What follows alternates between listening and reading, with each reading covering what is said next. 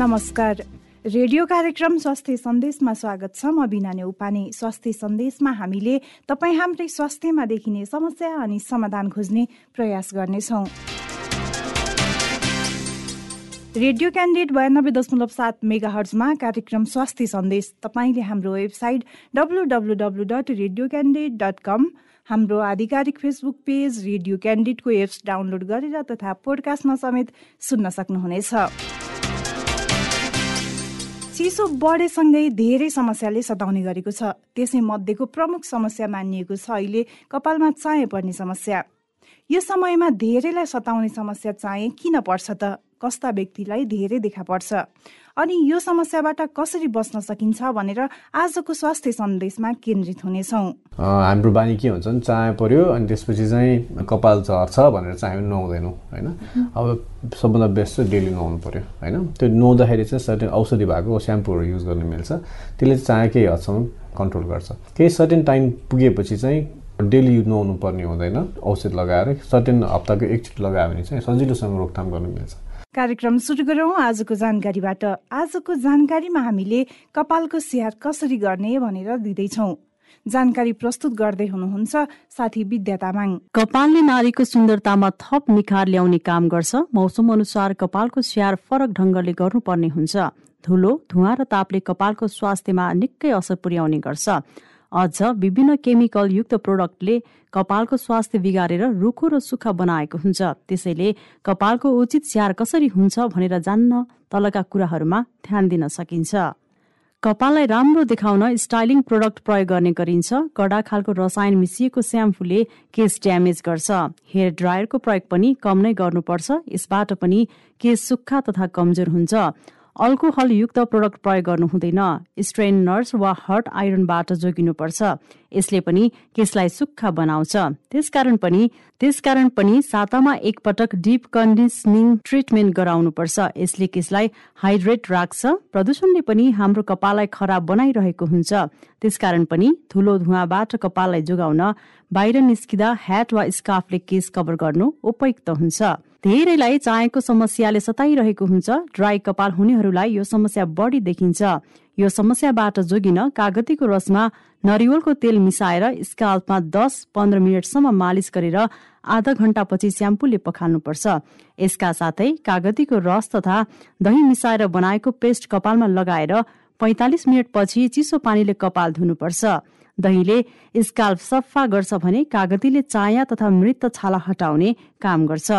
कपालमा पोषणको कमीले पनि धेरै समस्या देखिने गर्छ। कपालको पोषणको लागि एक गिलास काँचो दुधमा एक चिया चम्चा मह मिसाएर केसको जरादेखि टुप्पासम्म लगाएर पच्चिस मिनटपछि मनतातो पानीले स्याम्पू गर्दा केसले पोषण प्राप्त गर्छ।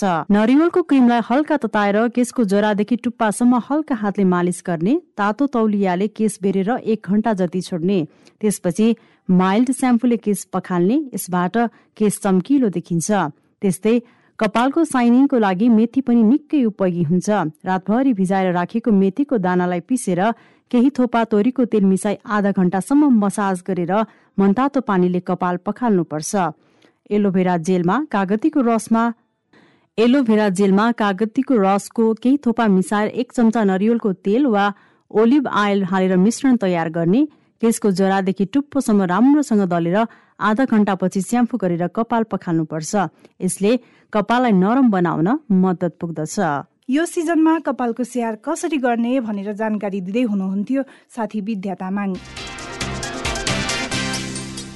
रेडियो क्यान्डिडेट बयानब्बे दशमलव सात मेगा हर्जमा कार्यक्रम स्वास्थ्य सन्देश तपाईँले हाम्रो website W W W dot radio candidate dot com हाम्रो आधिकारिक फेसबुक पेज रेडियो क्यान्डिडेटको एप्स डाउनलोड गरेर तथा पोडकास्टमा समेत सुन्न सक्नुहुनेछ।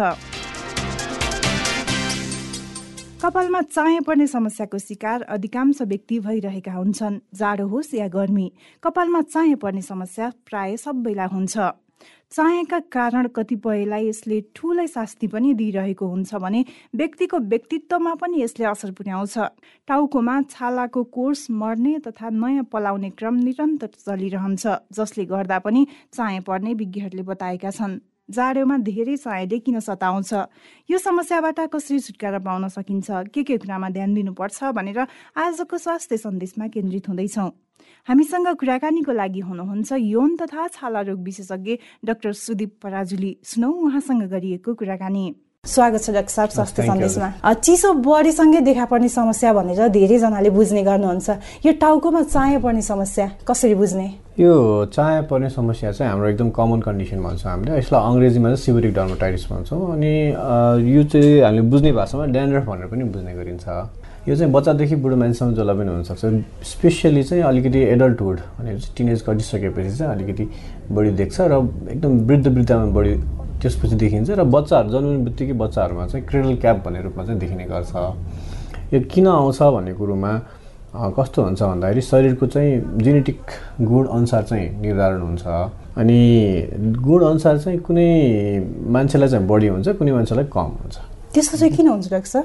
त्यो हाम्रो मेजर हाम्रो शरीरमा कस्तो हुन्छ भने हरेक कुरा चाहिँ गुणले चाहिँ डिटरमाइन गर्छ। अनि त्यो अनुसार चाहिँ कुनै बडी मान्छेमा बडी ग्ल्यान्ड्सहरू हुन्छ त्यसले बडी चाहिँ चिल्लो बनाउँछ त्यसबाट चाहिँ बडी चाहिँ चाया आउने गर्छ। कहिलेकाहीँ कस्तो हुन्छ भने कुनै कुनै मान्छेलाई चाहिँ कुनै एउटा इस्ट भन्ने एउटा फङ्गस हुन्छ त्यसको चाहिँ बडी सङ्क्रमण हुने टेन्डेन्सी हुन्छ। त्यसले गर्दाखेरि शरीरको त्यसको एगेन्स्टमा चाहिँ शरीरले रियाक्सन देखाउँदाखेरि चाहिँ चाया परेर आउनुहुन्छ।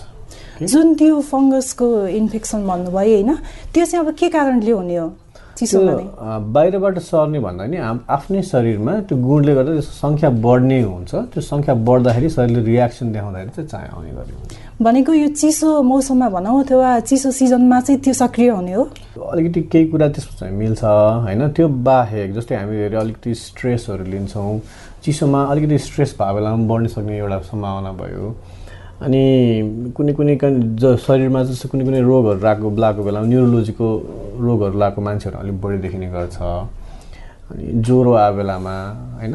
अनि धपडी परेको बेलामा कुनै पनि किसिमले शरीरमा धपडी पऱ्यो भने चाहिँ चाया चाहिँ अलिक बढी आउन सक्छ। भनेको यसरी बुझ्दा पनि भयो कि शरीरमा अरू कुनै समस्या भइरहेको छ अथवा समस्याले आक्रमण गरिरहेको छ भने चाया पनि देखा पर्छ। शत प्रतिशत त भन्दिनँ म केही हदसम्म चाहिँ त्यो कुरा मिल्छ।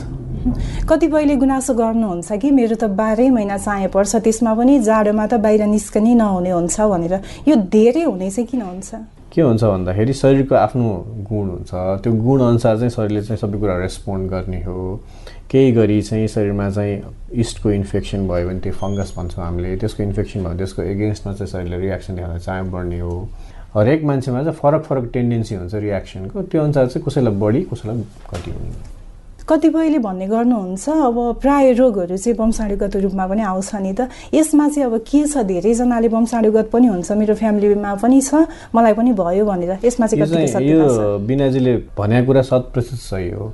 यो चाहिँ गुणमा नै लेखेर आएको हुन्छ। हामी के देख्छौँ भन्दाखेरि चाहिँ कोही कुनै बच्चा जस्तै एउटै आमा बाउको पनि होइन कुनै बच्चामा चाहिँ बढी हुने कुनै बच्चामा चाहिँ कम हुने देख्छौँ।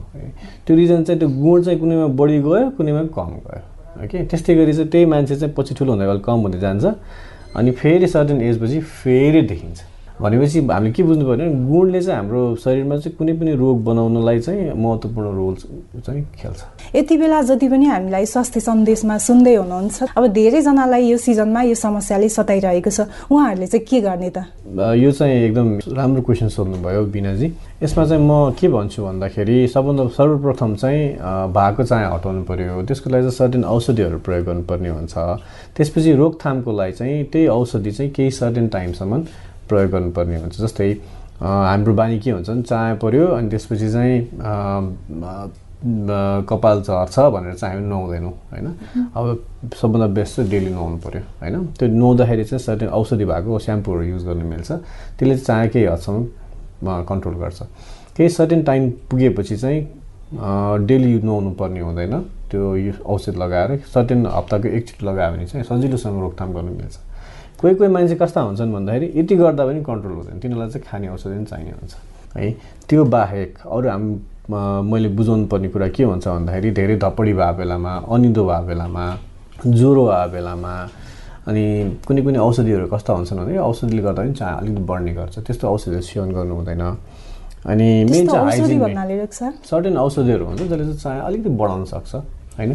त्यो चाहिँ तपाईँ चाहिँ कुनै औषधि भनेको कुनै रोगको लागि केही सर्टेन औषधि प्रयोग गर्नुभएको छ भने त्यसले चाहिँ अलिकति चाया बढाएको चाहिँ बढाउन सक्छ। यति बेला जति पनि हामीलाई यो समस्या भएर सुनिरहनु भएको छ अझ धेरै ध्यान दिएर भनौँ होइन।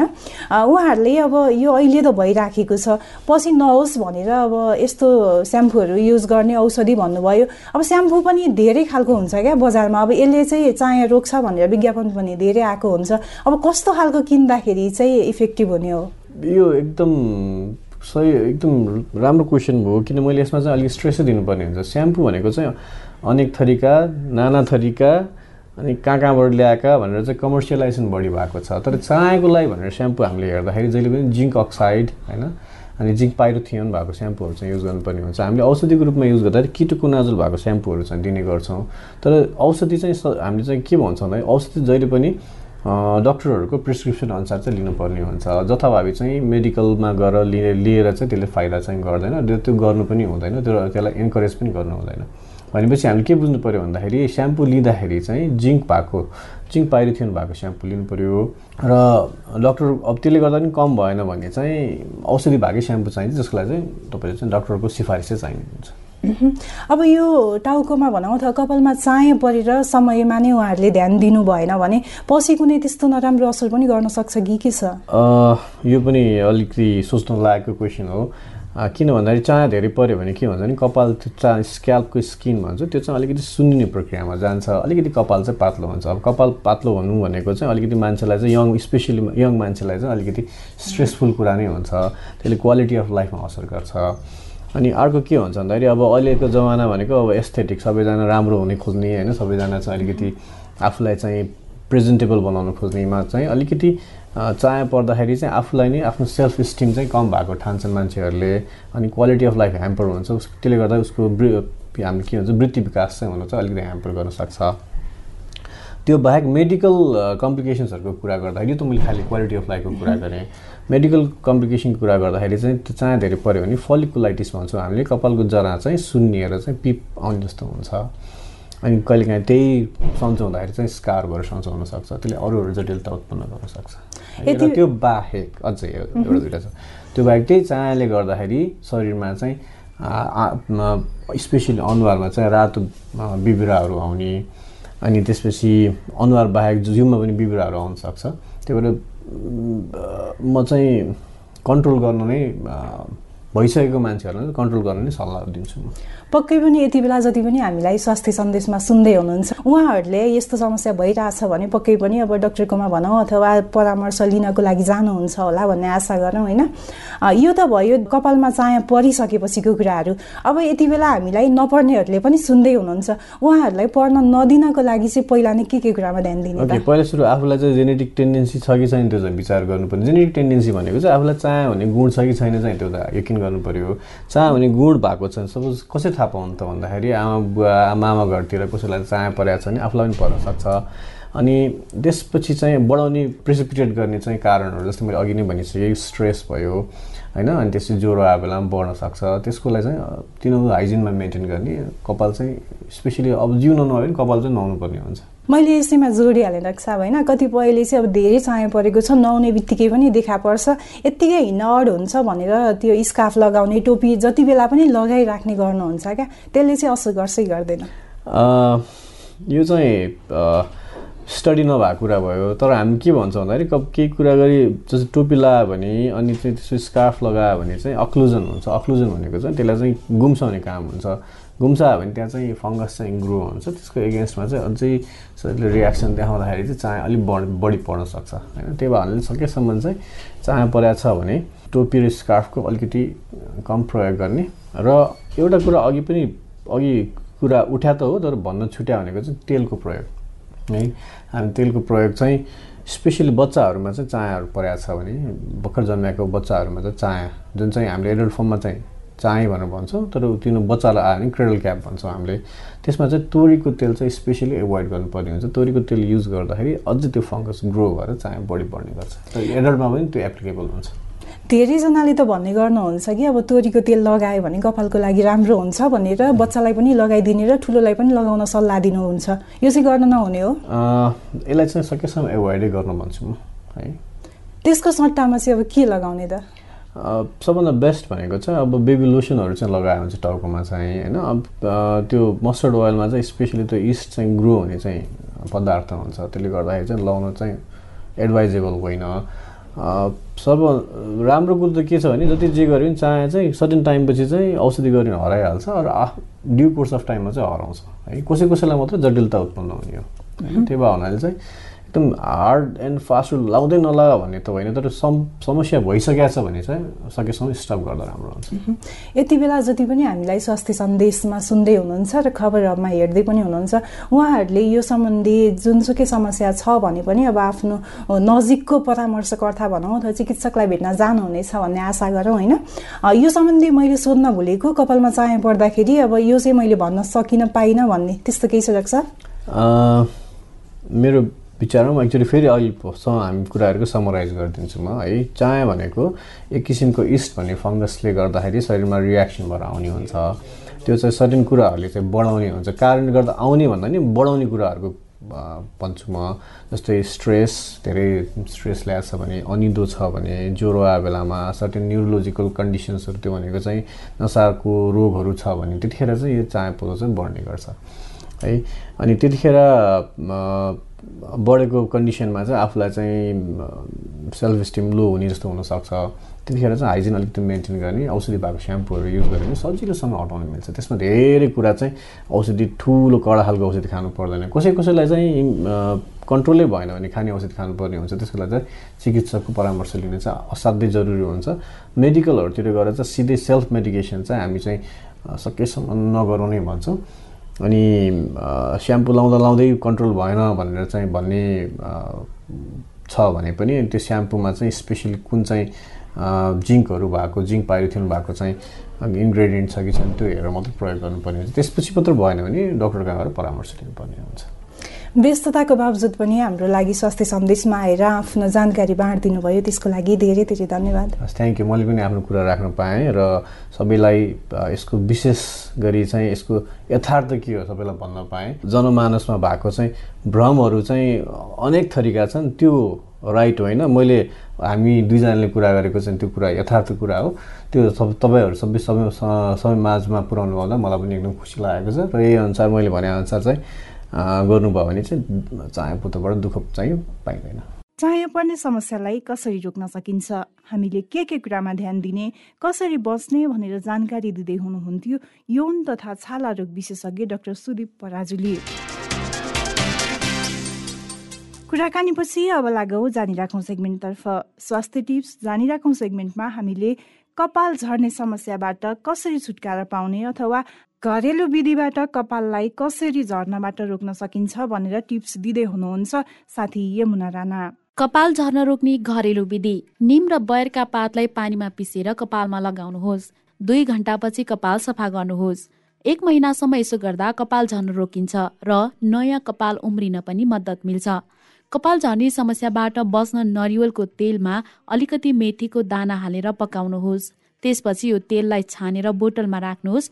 यो तेल नियमित प्रयोग गर्नुहोस्। कागतीको ताजा बोक्रालाई पानीमा हालेर उमाल्नुहोस्। बोक्रा पुरै नगलेसम्म उमाल्नुहोस्। पछि यो पानीलाई बिस्तारै बिस्तारै टाउकोमा रगड्नुहोस् यसबाट टाउको पुरै मैला निस्कन्छ तथा कपाल झर्नबाट पनि रोक्छ। कपालमा अमलाको रसले मालिस गर्नुहोस्। खुइलिएको ठाउँमा नयाँ कपाल उम्रिन थाल्नेछ। कपाल अधिक झर्न थाल्यो भने अफिमलाई गाईको ताजा दुधमा मिसाएर पेस्ट बनाउनुहोस्। नुहाउनुभन्दा दुई घन्टा पहिले लगाउनुहोस्। लसुनको तेल लगाउनाले पनि कपाल सुक्खा भएको समस्या हट्न र कपाल झर्न रोकिन्छ। काउली र बन्दा नियमित खानाले कपाल झर्न कम हुन्छ। मासको दाललाई उमालेर सिलौटामा पिसेर लेप बनाउनुहोस्। त्यो लेप टाउकोमा लगाउनुहोस्। एक सय ग्राम निमको पातलाई एक लिटर पानीमा उमाल्नुहोस्। त्यस पानीले टाउको धुनुहोस्। टाउकोमा आएका फोका हट्नेछन्। साथै खुइलिएको भागमा कपाल उम्रिन थाल्नेछ। टाउको धोइसकेपछि निमको तेल लगाउनुहोस्। अनारको पात पिसेर लेप बनाउने र त्यो लेप लगाउनाले पनि खुइलिएको स्थानमा कपाल पलाउँछ। बन्दाको रसले निरन्तर टाउको मालिस गर्नाले पनि कपाल खुइलिने कपाल टुक्रिने कपाल झर्ने आदि समस्याबाट बच्न सकिन्छ। हरियो धनियाँको रस लगाउनाले पनि कपाल उम्रिन थाल्छ। नरिवलको तेललाई पानीमा मिलाएर टाउकोमा लगाउनाले कपाल झर्न रोकिन्छ। केराको बोक्राको मालिसले कपाल झर्ने समस्या हट्छ।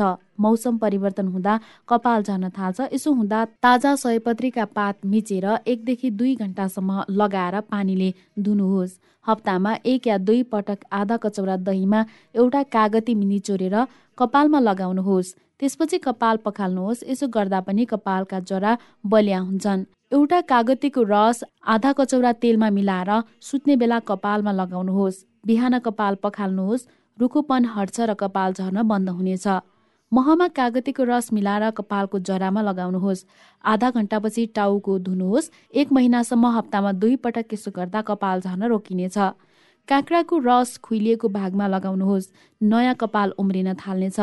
दुई ठुलो चम्चा दाना मेथी पानीमा रातभरि भिजाएर राख्नुहोस्। बिहान मसिनो पिसेर कपालमा आधा घन्टा लगाउनुहोस्। यसबाट कपाल झर्न कम हुन्छ र सुक्खापन हट्दछ। एक गिलास पानीमा दुई चम्चा चिया हालेर उमालेर चिसो भइसकेपछि यसमा कागती निचोर्नुहोस्। कपाललाई राम्ररी धोएर अन्त्यमा यो पानीले धुनुहोस्। त्यसपछि सफा पानीले कपाल पखाल्नुहोस्। यसबाट कपाल स्वस्थ चम्किलो र बलियो हुनुको साथै कपाल झर्न पनि रोकिन्छ। कपाललाई झर्नबाट रोक्न बाफ दिइरहनुपर्छ। तुलसीको बिउलाई बेल या निमको पातसँग उमालेर त्यस पानीले कपाल धुनाले पनि राम्रो हुन्छ।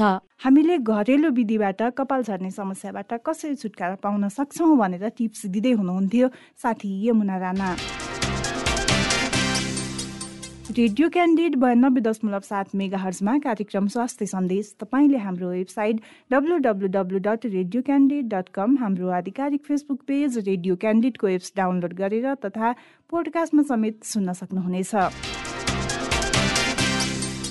रेडियो कार्यक्रम स्वास्थ्य सन्देश तपाईँलाई कस्तो लाग्यो? हामीलाई सल्लाह सुझाव र प्रतिक्रिया दिन नभुल्नुहोला। त्यसको लागि हाम्रो ठेगाना हो कार्यक्रम स्वास्थ्य सन्देश रेडियो क्यान्डिड बयानब्बे दशमलव सात मेगा हर्च दरबार मार्ग काठमाडौँ। यस्तै हामीलाई हाम्रो फेसबुक पेजमा म्यासेज तथा इमेल ठेगाना radio candid ninety two